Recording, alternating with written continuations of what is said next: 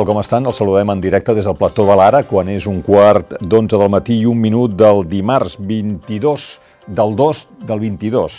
D'aquestes coses que passen cada 11 anys i que aquesta repetició no tornarà a passar fins al 3 de març de l'any 33. Aviam si ens tornem a trobar en aquella ocasió. Bé, eh, posem-nos seriosos eh, i abordem la realitat, abordem l'actualitat. Eh, avui, eh, Carles Riera, el diputat de, de la CUP, es convertirà en eh, secretari tercer de la mesa del Parlament en substitució del fins ara diputat Pau Jubillà. Suposo que està en el cas de totes les circumstàncies que ens han portat fins aquí. I això és el que ha portat fins aquí també el nostre interlocutor, el diputat de la CUP, Carles Riera, al qual agraïm que hagi vingut al plató de l'Ara. Senyor Riera, bon dia i benvingut. Bon dia i moltes gràcies, igualment. Això passarà aquesta tarda. És una votació que es fa, eh, crec que amb una urna, Correcte. eh, on els diputats han de posar el paper de la persona que ha d'estar a la mesa Exactament. del Parlament. I se suposa que té els vots. En principi sembla ser que sí.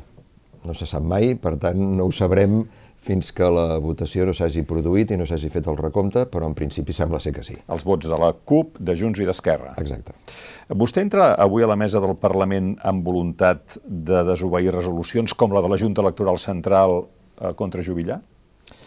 Miri, eh, jo entro a la mesa del Parlament amb la intenció de, de, de com a mínim, fer-ho tan bé com ho ha fet i tan dignament com ho ha fet en Pau Jubillà. Això primer, primer repte. En segon lloc, eh, jo entro a la mesa del Parlament per tal de eh, contribuir que eh, el Parlament eh, de Catalunya realment s'hi pugui parlar de tot, es pugui debatre de tot i es pugui votar i decidir sobre qualsevol matèria i qüestió sense que la Constitució o el Tribunal Constitucional en sigui un límit. Eh, no oblidem que fa pocs dies el Tribunal Constitucional ens va tornar a recordar que no podem ni parlar sobre el tema de l'autodeterminació. 2019, crec. Efectivament. Sí. Per tant, aquesta és la nostra, aquesta és la nostra tasca fonamental, és a dir, que el Parlament sigui un lloc realment democràtic, on realment es pugui debatre, discutir, proposar i decidir sobre eh, qualsevol qüestió, de manera que el Parlament esdevingui un contenidor realment eh, democràtic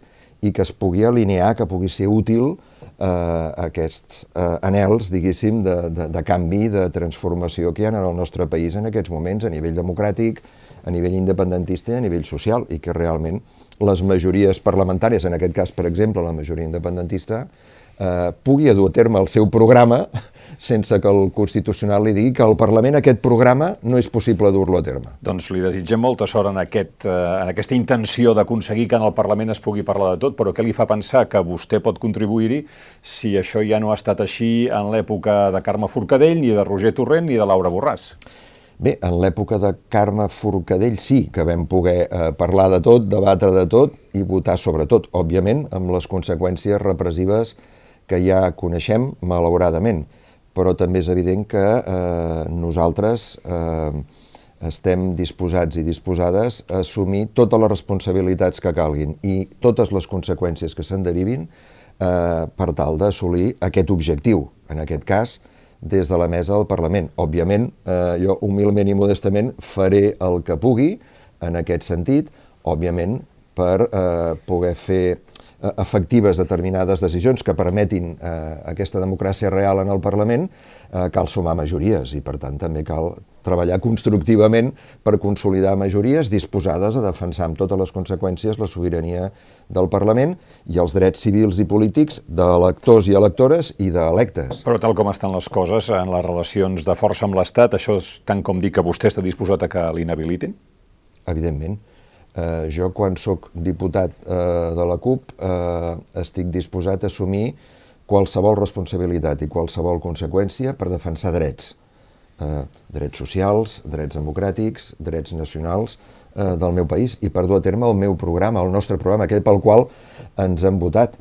Eh, però això no és d'ara, és de sempre, i ja en la legislatura passada nosaltres ens hem oferit en diverses ocasions entrar a la mesa del Parlament per prendre determinades eh, decisions que podien tenir conseqüències repressives i fins i tot per deixar clar que no era un tema de cadires amb el compromís signat de que un cop s'hagués pres aquella decisió l'haguéssim signat, eh, nosaltres es tornàvem a retirar. Eh, eh, bé, ara en aquesta legislatura s'ha donat la possibilitat de que puguem eh, ser com a mínim un lloc de la mesa des del qual contribuir a aquest objectiu i amb aquesta responsabilitat. Doncs la presidenta Borràs va ser molt crítica amb vostès i amb Esquerra Republicana acusant-los de no voler assumir la desobediència col·lectiva que proposava i que incluïa Parlament i Govern. Miri, mm, discrepo absolutament de la presidenta eh, Borràs. Eh, molt ràpidament, perquè crec que cal explicar això que ara eh, li diré. Eh, la desobediència, la desobediència eh, es produeix quan Pau Jubillà es nega a retirar els llaços grocs, malgrat que té una ordre eh, de la Junta Electoral, de la Junta Electoral per fer-ho. Un altre exemple, la desobediència és quan Eulàlia Reguant, davant del Tribunal Suprem, es nega a reconèixer legitimar els feixistes de Vox i es nega a respondre a les seves preguntes. Aquesta és la, la desobediència. I dintre de la tradició de la desobediència civil, Eh, la desobediència és el moment en què tu et negues a acatar eh, una ordre injusta no? i fas un acte de denúncia contra els marcs establerts. No implica no assumir les conseqüències repressives eh, que se'n puguin derivar, ans al contrari. Eh, eh, aquest és el marc eh, mental de la desobediència. Ara bé, eh, òbviament també cal defensar la sobirania del Parlament i els drets d'electors, eh, electores i d'electes. Eh, i això cal fer-ho unitàriament i conjuntament, perquè altrament... Eh, Però és el que deia la presidenta Borràs. És impossible. Això en primer lloc. En segon lloc, el que no podem pretendre és eh, estar en un marc autonòmic, marcat per la Constitució i marcat per l'Estatut, i pretendre funcionar com si fóssim sobirans i sobiranes.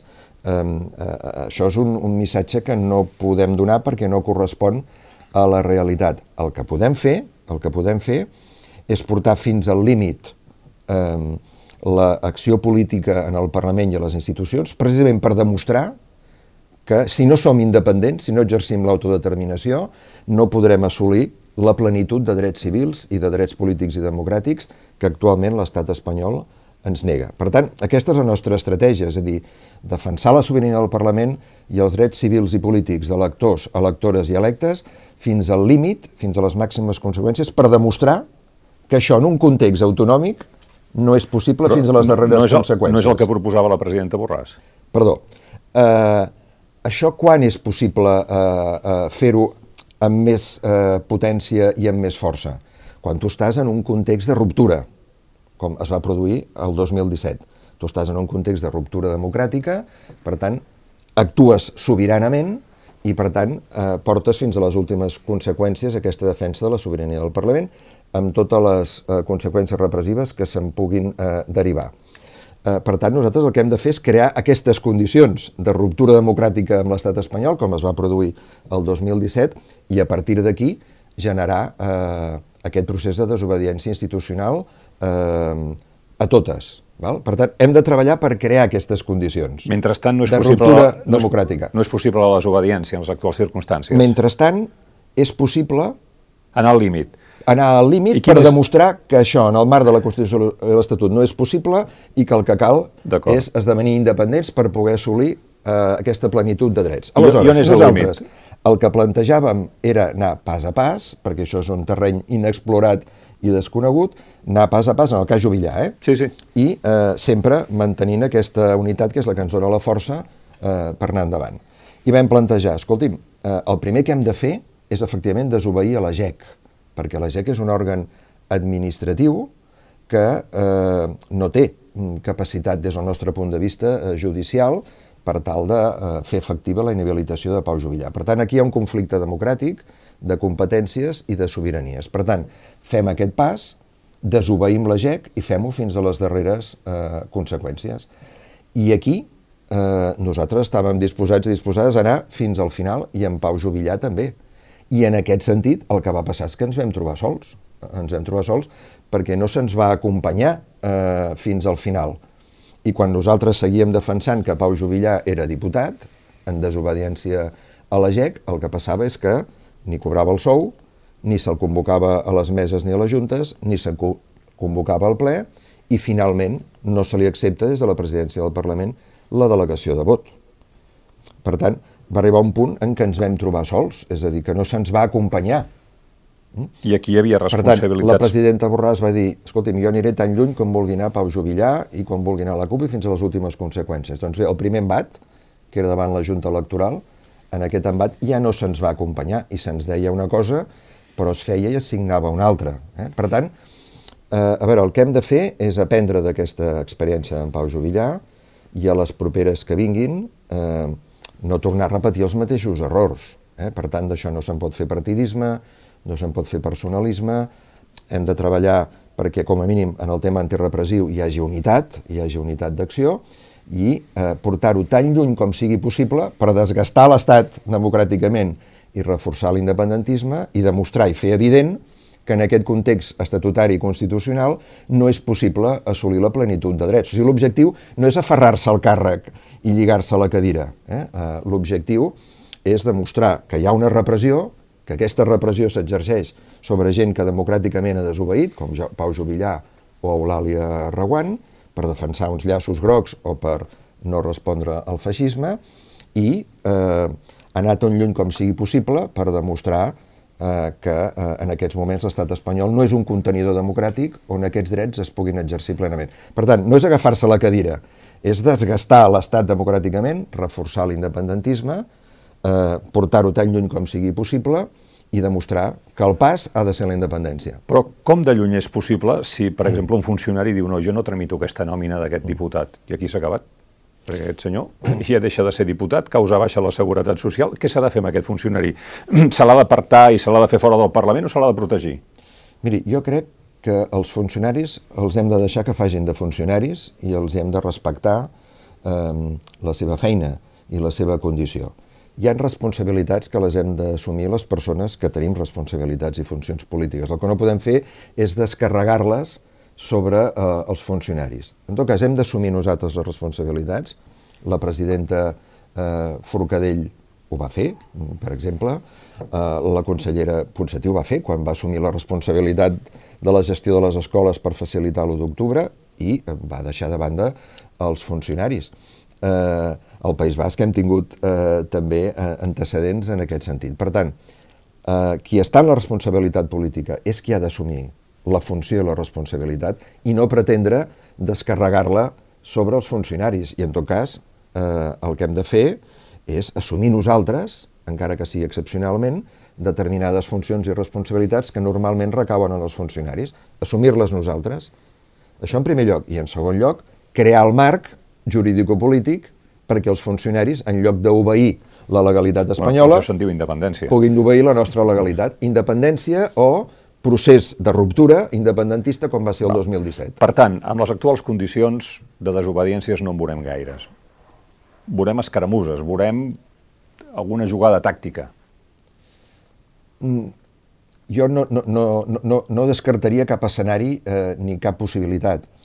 Per nosaltres les condicions és que s'avanci amb unitat, en aquest sentit, que cada jugada que fem desgasti l'Estat i ens enforteixi a nosaltres. De moment és al revés. I faci més evident que sense la independència no podem assolir la plenitud de drets. Per tant, no es tracta tant d'aferrar-se a les cadires com de demostrar la manca de democràcia de l'actual marc eh, jurídico-polític. Assumir responsabilitats a nivell polític sense descarregar-les o delegar-les eh, sobre d'altres, i evidentment, miri, mm, tu, pots, eh, tu pots portar la desobediència fins a les darreres conseqüències quan això forma part d'un procés de ruptura democràtica com el 2017. Val? O bé, quan tu ho tens tot preparat per tal que un acte de desobediència serveixi com a desencadenant d'un nou cicle de lluita, de mobilització, de confrontació institucional, etc etc.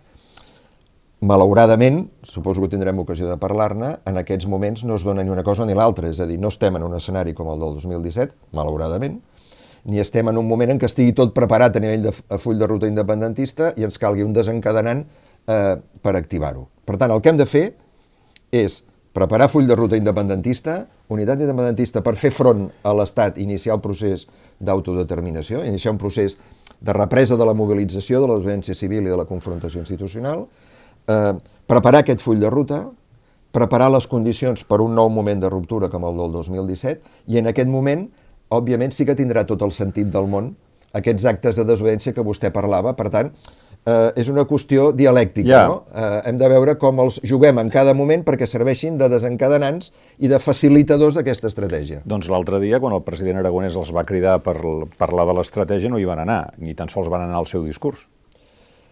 Mirin, nosaltres ja ens veiem venir eh, quina seria la naturalesa d'aquest acte i d'aquest discurs del president eh, aragonès. I la reunió? La reunió amb ell a soles. observem atentament la política del govern eh, i la política del president aragonès, ens reunim amb ell i per tant escoltem atentament eh, quins són els seus plantejaments i les seves propostes i constatem que no hi ha proposta.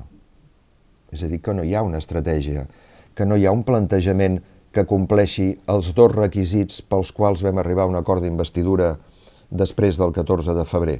Un requisit era eh, un gir independentista eh, per tal de eh, fer efectiva la majoria del 52% i, per tant, un full de ruta per exercir l'autodeterminació en aquesta legislatura. L'altre compromís, l'altre gir era un gir d'esquerres, eh, perquè la majoria del Parlament també ho permetia, en el sentit de reforçar els serveis públics, la redistribució de la riquesa, les polítiques públiques, els serveis bàsics, el dret a l'habitatge, etc eh, etc. no?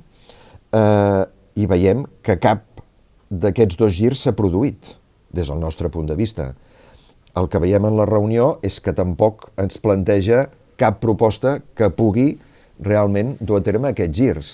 I per últim, en el seu discurs, efectivament, això sí es va constatar. Per tant, nosaltres el que no volíem fer era de claca eh, ni de públic d'un discurs mancat absolutament d'estratègia i d'ambició que posava les grans transformacions que aquest país necessita en el sentit independentista i en el sentit social, les posava en mans de l'Estat i en mans I- del govern del PSOE, i això vostès- sense cap iniciativa pròpia. Per tant, si vostès van donar els vots per la investidura justament ara fa un any i, i ara no els hi han aprovat els pressupostos i estan denunciant la passivitat en la marxa cap a la independència de l'actual govern, vol dir que el govern ha traït els acords que tenia amb vostè?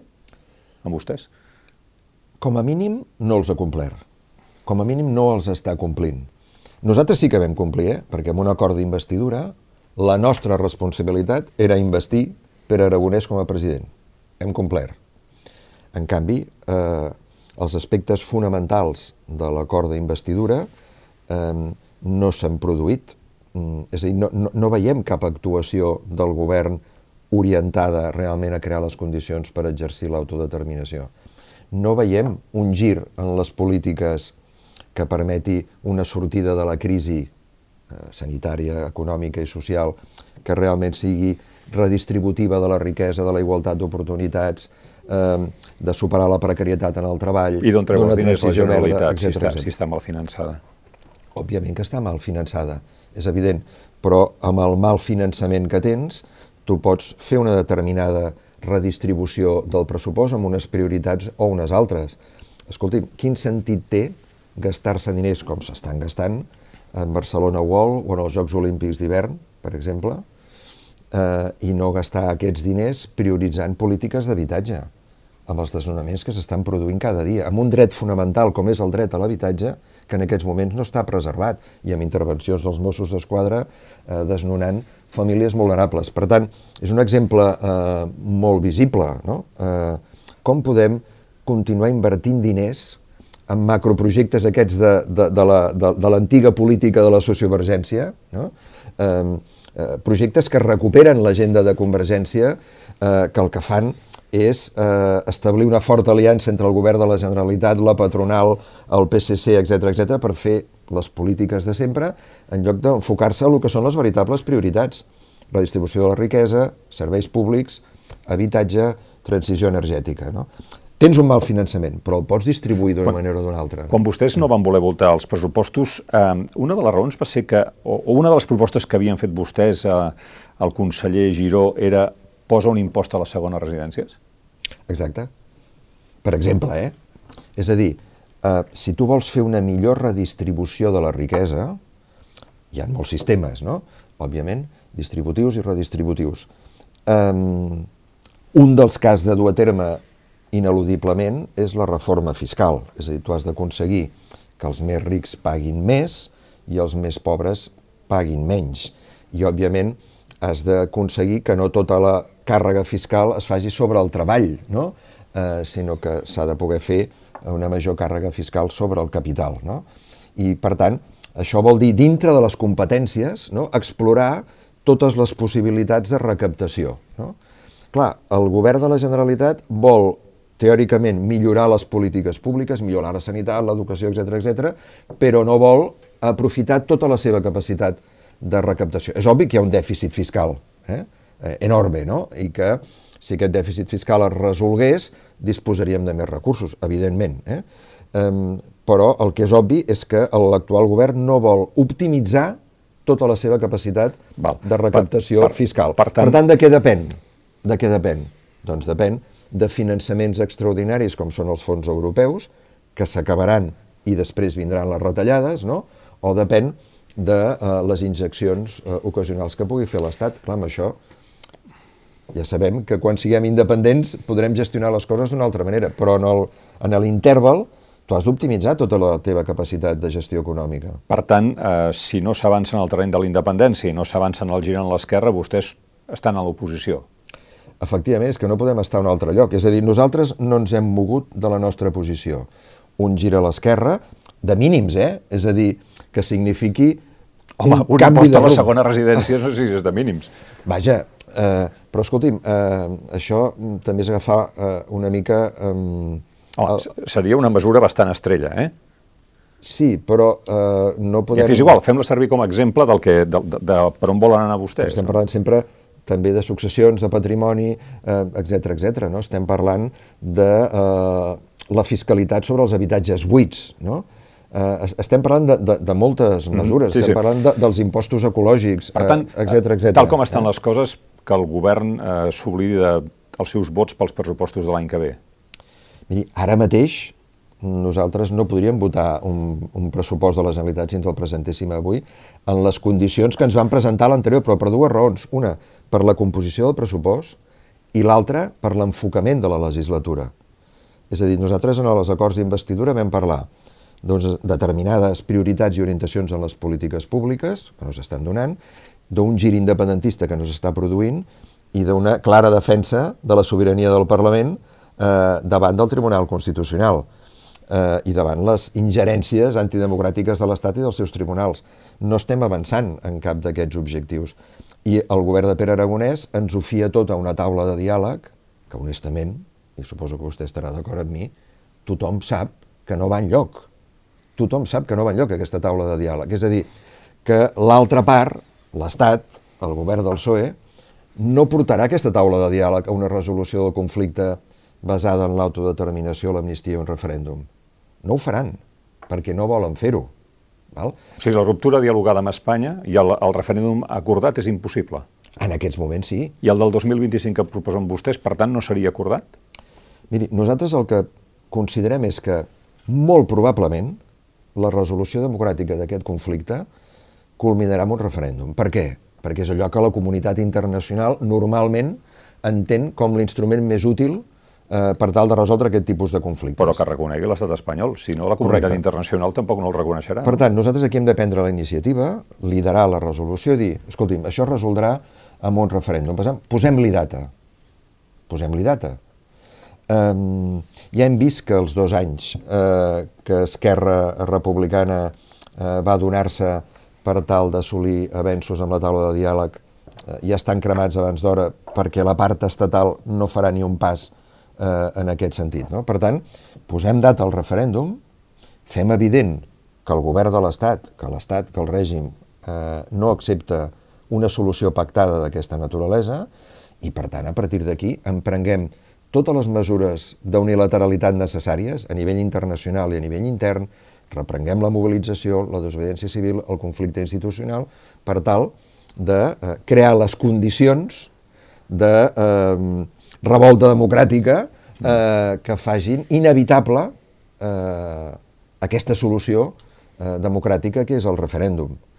Òbviament, amb eh, el reconeixement internacional necessari, mínim, per tal de poder-ho celebrar amb garanties i per tal de eh, poder-ne eh, aplicar eh, les conseqüències. Això és el que nosaltres estem plantejant, que ens sembla, malgrat que pugui semblar molt radical i molt revolucionari, molt realista, atès com se'n resol en altres moments conflictes comparables. Vam fer l'1 d'octubre, va ser un referèndum, el vam guanyar, el vam desenvolupar amb unes condicions de repressió eh, i d'excepcionalitat democràtica eh, brutals, però no va ser suficient. Eh? Eh, va venir el 3 d'octubre, la vaga general més gran de la història, les mobilitzacions contra les sentències eh, del Suprem del 2019. Eh, guanyar l'embat de la independència, la democràcia, l'autodeterminació a un estat com l'estat espanyol, amb el règim del 78 a dins, no es guanya en un dia ni en una sola batalla. No? Cal concatenar eh, esdeveniments i eh, eh, actes democràtics no? que et permetin acumular per un dia guanyar, i això és el que hem de fer. I en comptes de retirar-se ara i no haver, per exemple, votat els pressupostos del 2021, hauria estat fins i tot més contundent eh, arribar fins a la qüestió de confiança que van pactar mm. vostès i dir-li, no, doncs no, no renovem la confiança. Certament, si avui Pere Aragonès es sotmetés a una moció de confiança, per part no, però nostra, ja he dit que no, perquè no vostès eh? no han complert la seva part d'aprovar els pressupostos. Això no és exacte, és a dir, el nostre compromís d'acord d'investidura era investir-lo, no era aprovar pressupostos. Eh? Ell ho donava per fet. Perquè era un acord d'investidura, no era un acord de legislatura o un acord de governabilitat. Fins a la, ell diu fins a, la, fins a la qüestió de confiança sí era de legislatura. En lloc està escrit que fos ni de legislatura ni de governabilitat, era d'investidura. Val? Eh, a partir quan algú es compromet a una cosa tan important com investir un president, se suposa que li ha de donar una certa continuïtat, si no ja no s'hi posa el primer sí, clar, dia. Però si el, el, en el procés que va des de la investidura fins a la presentació de pressupostos no hi ha cap gir fonamental des del punt de vista del canvi polític i el que veiem és que eh, el soci eh, prioritari cada vegada més és el Partit Socialista, que el que es va és una situació d'estabilització institucional eh, a l'Estat, a Catalunya i a Barcelona com a prioritats que el que es va és a crear les condicions eh, dels grans pactes amb la patronal i amb el Partit Socialista pel que fa a les grans actuacions econòmiques eh, del país, etc etc.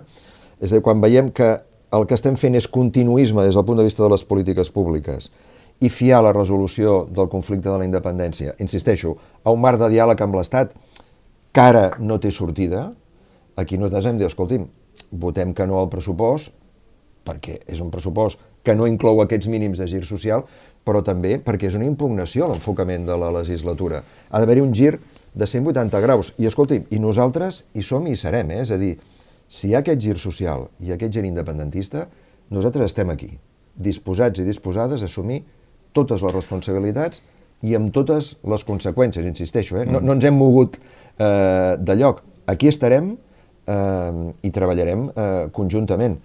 També he de dir-li que la famosa unitat independentista eh, tampoc és qüestió de mesurar-la fonamentalment pels acords als que puguem arribar a nivell de gestió autonòmica, perquè tenim projectes de país totalment eh, diferents, tenim models socials i econòmics totalment diferenciats. La unitat independentista s'ha de mesurar sobretot en la capacitat de compartir una estratègia de conflicte amb l'Estat en defensa de l'autodeterminació. Doncs... I segurament, si arribem un acord amb això, això facilitarà Allò que hi hagin altres acords doncs, en altres terrenys com el 2017 demostra. Doncs això anava, senyor Riera, perquè ara fa un any va haver-hi les eleccions del 2021 i jo crec que molta gent els va anar a votar a vostès i, i a Esquerra i a Junts amb la idea de dir fem possible una majoria Correcte. independentista i es va assolir la majoria del 52% i aquesta majoria no ha sigut operativa. La CUP no té cap responsabilitat en què eh, no s'hagin sabut posar d'acord, que no hagin fet una cosa tan de sentit comú com la de dir abandonem ara les diferències perquè l'objectiu és colossal i en tot cas ja ens barallarem el dia que siguem independents. Té vostè raó. Uh, té vostè raó. Atenció, permeti'm un matís previ, eh? No, no. És a dir, eh, com li deia, uh, la unitat independentista no s'ha de mesurar per si et poses més o menys d'acord en la gestió de l'autonomia, que podem posar-nos gens d'acord, no? Perquè nosaltres defensem un dret a l'habitatge que potser altres defensen la prioritat de l'habitatge com a negoci, eh? per posar una, un exemple. Eh? Mm, però eh, s'ha de mesurar sobretot en una estratègia compartida, antirepressiva i de conflicte amb l'Estat per exercir l'autodeterminació. Primer. Segon, lo de abandonem les diferències ideològiques i posem-nos d'acord amb la independència, això només se'ns demana a nosaltres, a la gent que som a l'esquerra. Eh? És com si es donés per suposat... Home, jo crec que Junts i Esquerra, déu nhi el que li han xiulat les orelles amb això, eh? Sí, però sobretot se'ns demana a nosaltres. Allò, abandoneu el vostre programa polític d'esquerres, no? Eh, I després ja en parlarem. Quan, escolti'm, el país que tindrem el dia que serem independents també estarà molt condicionat pel que haurem construït pel camí.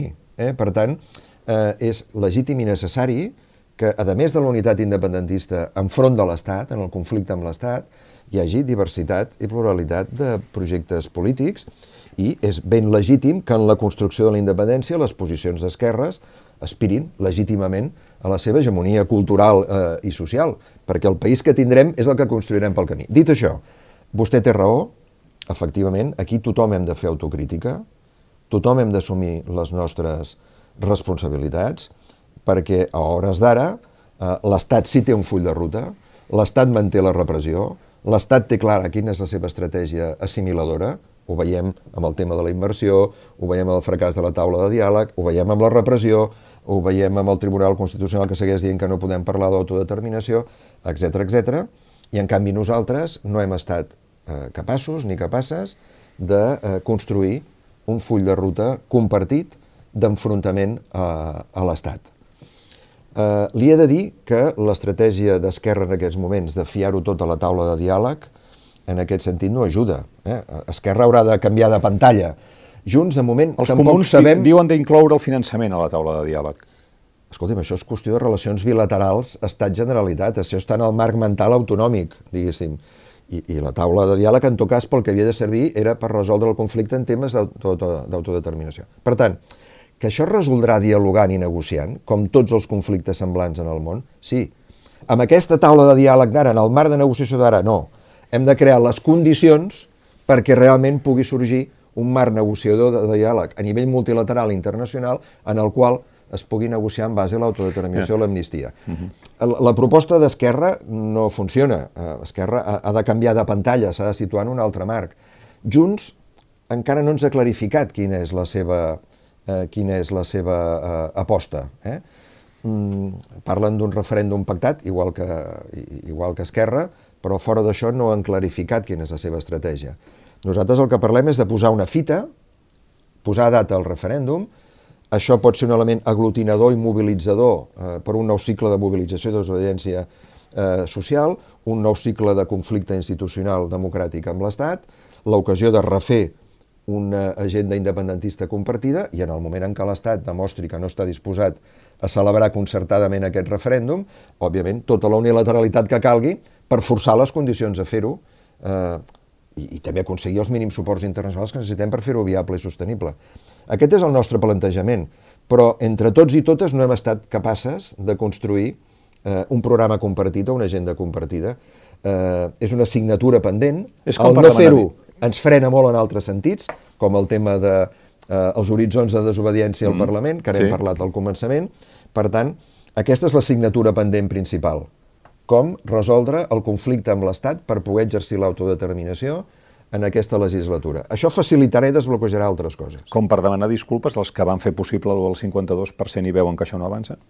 Òbviament hem de ser molt autocrítics i hem de demanar disculpes de que fins avui encara no haguem estat capaces de dissenyar aquesta estratègia. El nostre compromís és fer-ho, és fer-ho, eh, però nosaltres no estem disposats, també he de dir el contrari, eh, a assumir unitats independentistes eh, basades en reformes autonòmiques, en estabilitzacions institucionals que no portin enlloc. Tampoc estem disposats a establir unitats independentistes que renuncin a la sobirania del país a l'hora de defensar drets. Escolti'm, quan nosaltres fem una llei d'habitatge que defensa mínimament eh, certs drets en aquesta matèria i l'Estat ens ho prohibeix a través del Tribunal Constitucional, què hem de fer? Hem de defensar el dret a l'habitatge o hem d'obeir eh, l'Estat? Això també és exercir la sobirania i preparar el Però camí de la independència i la defensa de drets. això? Eh? Com es desobeeix l'Estat amb una sentència del Tribunal Constitucional? Bé, e- és el que dèiem eh, abans, no? En la mesura que tinguem avançat un full de ruta independentista de confrontació amb l'Estat, serà més fàcil en un escenari de ruptures eh, desobeir el Tribunal Constitucional i, òbviament, tensionar eh, la situació amb el Constitucional en defensa del dret a l'habitatge és una manera de demostrar que sense independència no hi ha plenitud de drets. Hem de treballar en aquesta dinàmica. Si ara, per exemple, mm, comença a haver-hi cada vegada més sentències eh, concretes sobre escoles que han d'aplicar el 25% del castellà, com s'hi oposa a, a això? Doncs miri, eh, com li deia, en aquells temes que són defensa de drets fonamentals, que tenen un ampli consens i un ampli suport social, en aquests temes eh, jo crec que sí que es donen les condicions per anar fins a les últimes conseqüències. I que el tindrem... Departament d'Educació o el govern assumeixi la responsabilitat Correcte. dels directors dels centres. Exacte, és un bon exemple. Tenim majoria social, tenim consens social. És un model lingüístic millorable, eh, és un model escolar millorable, com tots, però que ha donat uns resultats eh, importants reconeguts internacionalment. Per tant, què hem de fer? No hem d'acatar aquesta sentència del 25%. Eh, hem de defensar la immersió com un model d'inclusió, d'integració, que des de l'escola faciliti que el català sigui una llengua comuna i compartida per tota la comunitat i la societat, contra ningú, garantint que tots i totes les alumnes al final del seu ensenyament competència plena lingüística en castellà, català i una tercera llengua, però amb la immersió que fa que el català sigui l'única llengua vehicular a l'escola i que les altres llengües tenen el seu temps, el que calgui, eh, per l'aprenentatge de l'idioma eh, i, i, I aquest model funciona. Eh, Voler-lo trencar, voler-lo trencar eh, és una agressió de l'Estat. Per tant, efectivament, aquesta sentència no s'ha d'acatar. Hem de crear les condicions de mobilització al carrer, de suport a les escoles a nivell de comunitats educatives locals i d'acció del Parlament i del Govern per tal de blindar el nostre ensenyament. Doncs ara... Desenvolupar legislativament un marc jurídic que blindi la immersió i, eh, efectivament, com vostè deia molt bé, que el departament assumeixi les plenes responsabilitats, que eh, eximeixi els funcionaris de determinats riscos, i nosaltres aquí serem. Ja, doncs, eh, en canvi, el que tensiona ara a la comunitat educativa és la possibilitat de començar el curs el 5 de setembre. Li sembla bé començar el curs una setmana abans? Miri, eh, nosaltres aquesta eh, reflexió sobre eh, si el millor és començar-la abans o després, eh, l'hem deixada pendent a l'espera d'una reflexió anterior, eh, que, que li explico molt, molt breument. Eh, un departament d'educació, un conseller d'educació, si vol donar un fort impuls a l'ensenyament en el país, no? eh, si vol donar una forta empenta a l'educació pública en el país, no pot fer-ho a esquenes de la comunitat educativa del professorat. No pot fer-ho. Eh? O sigui, no pot amb una lògica de despotisme il·lustrat, eh? com, a marc, com a marc cultural de l'exercici del govern. Eh, no pot fer-ho enfrontant famílies i docents. Això és un error terrible. Però el que segur que no pot fer és fer-ho, a més, en contra de, del professorat i de la comunitat educativa. I avui, no només els sindicats, sinó tot el marc unitari de la comunitat educativa, el MUCE, que plega no només els sindicats, sinó la FAC i les principals entitats educatives, li diuen al departament, escolti'm, així no. Si vostè vol generar canvis que potenciïn el servei públic de l'educació, ho ha de fer amb diàleg, consens i concertació. Per tant, pari màquines i parlem. Això no ve d'ara, eh? això ja ve de lluny, ja fa temps eh, que el departament no concerta, no dialoga i no consensua. Eh? Eh, I, òbviament, ara que ja sortim d'aquesta situació d'excepcionalitat de la pandèmia, afortunadament, amb una comunitat educativa molt estressada i un professorat molt sobreesforçat, és obvi que sorgeixi eh, aquest conflicte. Per tant, s'ha de reprendre el marc de diàleg i, a partir d'aquí, parlar de temes tan importants com la reforma horària, com la reforma curricular, eh, què fem per garantir la immersió... Però la idea de començar una setmana abans els hi sembla correcta? Um, la idea de començar una setmana abans, sincerament, eh, és una idea que hem d'analitzar encara amb, amb més deteniment, perquè ens hem quedat a la pantalla anterior. Eh? Ens hem quedat a la pantalla de la relació de la comunitat educativa amb el departament, que distorsiona qualsevol debat aquest i qualsevol altre. En qualsevol dels casos, el que s'ha de fer és garantir els drets laborals del professorat, això significa un canvi substancial, diguéssim, en les condicions de treball, en la jornada laboral, i per tant s'ha de negociar, això és l'ABC, no?, eh, de qualsevol eh, negociació eh, laboral o de qualsevol canvi laboral, i en qualsevol dels casos el que s'ha de garantir també és que tot l'alumnat garanteixi de tots els drets educatius. La conciliació familiar-escola és molt important, sens dubte, eh, però s'ha de garantir la plenitud de drets educatius a tots els alumnes i s'ha de garantir la plenitud de drets laborals del professorat. La corilla d'aquestes tres coses és la que ens donarà el calendari més adequat, que el trobarem si adologuem, no si li imposem. Uh mhm. -huh. I per últim, eh, qualsevol moviment en el calendari i en l'horari ha d'incloure el dret al servei de menjador i el dret al temps educatiu complet eh, per part dels alumnes. Per tant, allò que no es cobreixi amb horari lectiu s'ha de cobrir un horari extraescolar. Sí, va, això I s'ha de fer el govern ja- amb ja dit recursos faria, públics, els sí. 12 milions no donen ni per començar, i a part, què passarà? Que tots els alumnes podran fer activitats extraescolars eh, i un dia només podran continuar-les els que se les puguin pagar. Aquest és un tema que cal tenir en compte. I després, per últim, tenim gairebé un 40% de personal interí. Mm? Eh, aquest personal eh, interí, diu el conseller, que serà anomenat al juny, però el juliol i l'agost no cobrarà. Eh? Per tant, eh, si s'anticipa l'inici del curs, aquest personal interí quan i com podrà preparar les assignatures i el programa educatiu. Ho haurà de fer gratis durant l'estiu. Eh, per tant, aquí hi ha una sèrie d'interrogants que, no estan, eh, que no estan encara ben resolts i això dificultarà eh, l'acord. I tinguem en compte que, a més, tenim pendent el 6% de pressupost en educació eh, pública i tenim pendent encara recuperar retallades eh, pressupostàries i drets laborals a l'educació que es van produir a l'època de les retallades, a l'època de Mas. No s'han recuperat encara, eh? eh moltes d'elles, i clar, aquí plou sobre mullat. Acabem amb tres qüestions molt concretes. La primera, el president Pujol va reaparèixer ahir en un acte del govern eh, organitzat pel Departament d'Exteriors, juntament amb altres eh, expresidents. Com ho valoren? Molt negativament. Anem enrere com els crancs. Um, I, eh, efectivament, quan eh, hi ha una falta de perspectiva, hi ha una falta d'estratègia i de projecte eh, de futur, a vegades, equivocadament, erròniament, el que es fa és retornar al passat per reivindicar el passat i refugiar-s'hi, diguéssim, no? És a dir, quan hi ha una feblesa en el present i una falta de, de visió, eh, vas a buscar suports enrere. Clar, eh, no sé eh, si la millor manera d'agafar forces per anar endavant és fer un pas enrere relegitimant el 3% eh, o relegitimant, eh, en fi, èpoques passades eh, que no haurien de tornar mai més. Eh? ni pel que van significar des del punt de vista de la mala praxi política o de la corrupció eh, en el món dels partits polítics i dels governs, ni pel que va significar eh, aquella època de plena connivència amb la monarquia en el règim des de l'autonomia catalana, amb tot el peix al cova que vostè vulgui. Eh? Ara eh, es dona la paradoxa que també es vol aquesta connivència eh, amb l'Estat i de peix en el cova no n'hi ha. Bueno, hi ha, sí, hi ha el, de- el Turó de l'Home, l'Observatori del Turó de veritat, l'Home. és, és, és veritat eh, sí. aquesta gran cosa. No? Per tant, eh, jo crec que la imatge d'ahir era negativa, eh, era una imatge negativa. Mm, és a dir, jo no sé què hi feien eh, tots aquells eh, presidents, eh, expresidents de la Generalitat eh, allà junts, mm, no sé què venia aquest acte, no sé què pretenia. Jo no, Era el no... final d'un cicle que s'havia estat fent durant tot el país i per mandat de, o per Consell de la Unió Europea, de parlar d'Europa, de, de sortir Sí, al carrer sí, a parlar sí. d'Europa.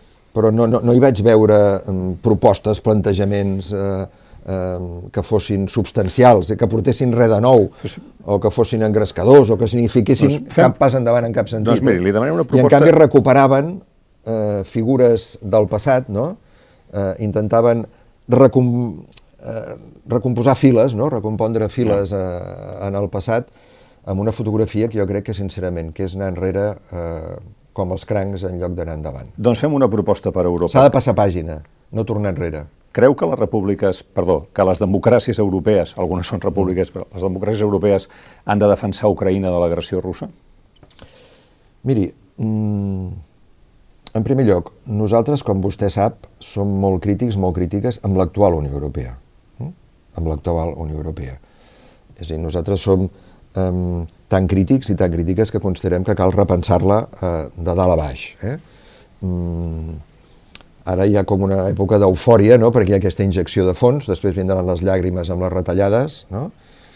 Um, si mirem la política exterior europea, en fi, això vostè en sap molt més que jo, segurament, eh, la política exterior europea és bastant un desastre, eh? si mirem allà on intervé. Eh? Per tant, hi ha una feblesa eh, estructural eh, molt important d'una eh, Unió Europea que és un club d'estats eh, molt eh, manegat, diguéssim, pel gran capital internacional. En aquest context, gaires avenços democràtics i socials, eh, difícilment. Eh? Per tant, nosaltres creiem que cal transformar eh, aquest projecte eh, i cal, des del nostre punt de vista, construir eh, aliances euromediterrànies amb una altra però lògica. Ucraïna, país Dit eh, això- sobirà, que veu que en Rússia bueno, Sí. acaba de reconèixer un parell de regions que s'han autoproclamat independents. Eh, jo sóc bastant, des de fa temps, seguidor d'en Rafael Poc, no? que penso que és una persona que en sap molt de política eh, internacional, que té molta experiència, una visió crec que molt, molt objectiva, i no fa gaire eh, escrivia un article, jo crec, molt il·lustratiu, que per mi és referència eh, en aquest sentit. Ell diu, eh, en aquest conflicte, diu Rafael Poc, eh, eh, Occident és qui té eh, la principal eh, responsabilitat. I quan ell parla d'Occident, parla de l'OTAN, Estats Units, eh, Europa, de l'OTAN, que ell diu molt bé, té més del 50% de la capacitat militar i armamentística, pressupost. Rússia i Xina eh, junts em sembla que arriben al 16%, eh, Xina el 13% i Rússia el 3%, per tant, la desproporció és enorme, i en aquest context de desproporció, diu Rafael Poc, des de fa molts anys, l'OTAN, el bloc occidental, s'està dedicant a envoltar militarment, amenaçar militarment les fronteres de Xina eh, i de Rússia. I diu, Rafael Poc, des dels acords de Gorbachev eh, i des dels intents d'acords que s'han intentat desenvolupar de eh, reducció i regulació d'armaments estratègics, d'intentar que Europa sigui una zona desnuclearitzada, de tractats de no agressió, etc etc. el bloc occidental i l'OTAN i els Estats Units han incomplert sistemàticament tots aquests acords. No? Què passava abans? Que s'atrevien a fer-ho perquè Rússia era teòricament molt més feble. Ara Rússia és més forta i pot parlar eh, de tu a tu. I per tant, què fa eh, Rússia? Intentar aconseguir que les seves fronteres no estiguin amenaçades militarment eh, per l'OTAN. I Ucraïna aquí es troba al mig. No? Eh, per tant... Eh, per tant, hem de defensar Ucraïna o no? Malauradament, Ucraïna aquí és un convidat tràgicament o dramàticament no? Eh, de segona fila en un conflicte geopolític geoestratègic entre potències, eh, unes expansionistes en aquests moments, inicialment, és l'expansionisme inicialment ve d'Occident, i ve de l'OTAN i dels Estats Units, no? que pretén incorporar Ucraïna i Geòrgia a l'OTAN, amenaçar directament les fronteres de Rússia, i Rússia que diu fins aquí hem arribat. No? A més, jo tinc el gas, eh, per tant estic en condicions de negociar amb Europa Per tant, aquí no hi ha bons ni dolents. Eh, i, I en aquest sentit jo crec que és interessant observar eh, el que és el posicionament de França i Alemanya, sobretot de França, que intenta sortir una mica d'aquest marc dominat eh, pels Estats Units i per l'OTAN, eh, en el qual Rússia el que fa és això, defensar les seves eh, fronteres i com a conseqüència, com a moment tàctic, reconèixer les independències d'aquestes repúbliques no? eh, independentistes que estan dintre d'Ucraïna, eh, com un moviment tàctic de pressió política a Ucraïna i Occident, eh, i també com un moviment de defensa de les seves fronteres. Per tant, jo crec que s'ha d'analitzar en els termes que Rafael Poc eh, eh, analitza, on ell posa sobretot la responsabilitat a Occident, Estats Units i l'OTAN i diu Estats Units, Occident i l'OTAN s'ha de retirar eh, d'aquest conflicte i deixar d'amenaçar a Rússia. I a partir d'aquí parlem de com resolem els conflictes eh, geopolítics. Eh? I finalment, vostè amb qui va, amb Ayuso, amb Casado o amb Feijó? Contra tots. Contra tots. Eh, són el règim, no? Eh, són el règim i la veritat que són... Però millor aquests que Vox? L'esperpent del règim. Miri, jo crec que el règim del 78 és aquest conglomerat mm, militar, eh, funcionarial, eh, d'una determinada jerarquia eclesiàstica, eh, mediàtic, mm, terratinent, eh, fiscal, judicial, etc, dintre del qual hi ha uns partits no? eh, que eh, en són la part política. No? I aquest règim, per més que tinguin entre si contradiccions i conflictes i es disputin espais de poder, és un règim que funciona molt bé al voltant de la monarquia, aquesta monarquia corrupta, i el que fa és utilitzar l'Estat per, per, per créixer, per reproduir-se econòmicament i políticament. Per tant, tanto monta, monta tanto. Eh? Um, I tots compleixen aquesta funció perfectament, no? del PSOE a l'extrema dreta. I, per tant, per nosaltres el problema no és de qui estigui al capdavant, és un problema de règim. Eh? Ja. És del règim que ens hem per de... Per tant, si governa Vox no ho notarem tant. Eh, jo crec que ho notarem. Eh, jo crec I a pitjor. Que, eh, evidentment anirem a pitjor i, per tant, eh, ja ens podem preparar, ja ens podem espavilar. Per això és bona si aquest... l'estabilització, que vostè abans negava. No, no, en absolut. En, en absolut. Eh... Vull dir que té sentit que Esquerra, per exemple, mm. Contribuir a la continuïtat d'un govern PSOE Unides Podem? Miri, possiblement, des del meu punt de vista, és una opinió personal, eh? eh des del meu punt de vista, el govern del PSOE i Podemos, probablement, conjuntament amb el govern Zapatero de la primera legislatura de Zapatero, és el millor que ha donat de sí eh, en aquests moments la política a l'estat espanyol des d'un punt de vista de progressos socials, democràtics, etc etc. no? Què passa? Que em temo que això no dona més de sí, malauradament. No? I, eh, efectivament, inclús hi ha el risc de que vagi a pitjor no? amb un govern eh, de, de Vox, Vox i Podemos. Pitjor per... Vox i, Poder, i PP. Eh, perdó, ostres, quin error. Perdó, de, de Vox i, I PP. PP, em corregeixo. Eh? Um, i això podria ser molt negatiu a escala eh, de l'estat espanyol, a escala internacional, perquè significaria un avenç i una consolidació de les dretes més extremes, que és un problema que tenim a nivell global i que hem d'encarar amb molta contundència, i seria, sens dubte, un problema eh, per nosaltres. Però insisteixo, insisteixo, des del punt de vista dels grans canvis eh, que necessita aquest país, en termes d'autodeterminació i de gir democràtic i social, si governés Vox i PP seria un desastre, però si governa el, el PSOE amb, eh, amb, amb Podemos, també veiem que el recorregut és limitadíssim. Mm. Per tant, nosaltres hem de fer la nostra feina eh, d'avançar en aquestes grans transformacions, crear les condicions per autodeterminar-nos, per crear la nostra república i crear un espai en el nostre país, a nivell de països catalans, que sigui un espai molt més avançat en drets eh, per a tothom, de tota naturalesa, del que actualment ens permet la Constitució, l'Estatut i l'Estat. I davant del risc de que pugui haver-hi Vox eh, i PP al govern, ja podem espavilar perquè fem tard. Senyor Riera, moltes gràcies per haver-nos acompanyat. Vostè, un plaer. Carles Riera, diputat de la CUP, que aquesta tarda, si no hi ha res de nou, es convertirà, a través d'una votació en el ple, en secretari tercer a la mesa del Parlament en substitució de Pau Jubillar. Fins aquí aquesta entrevista en directe des del Plató de l'Hora. Fins una pròxima ocasió.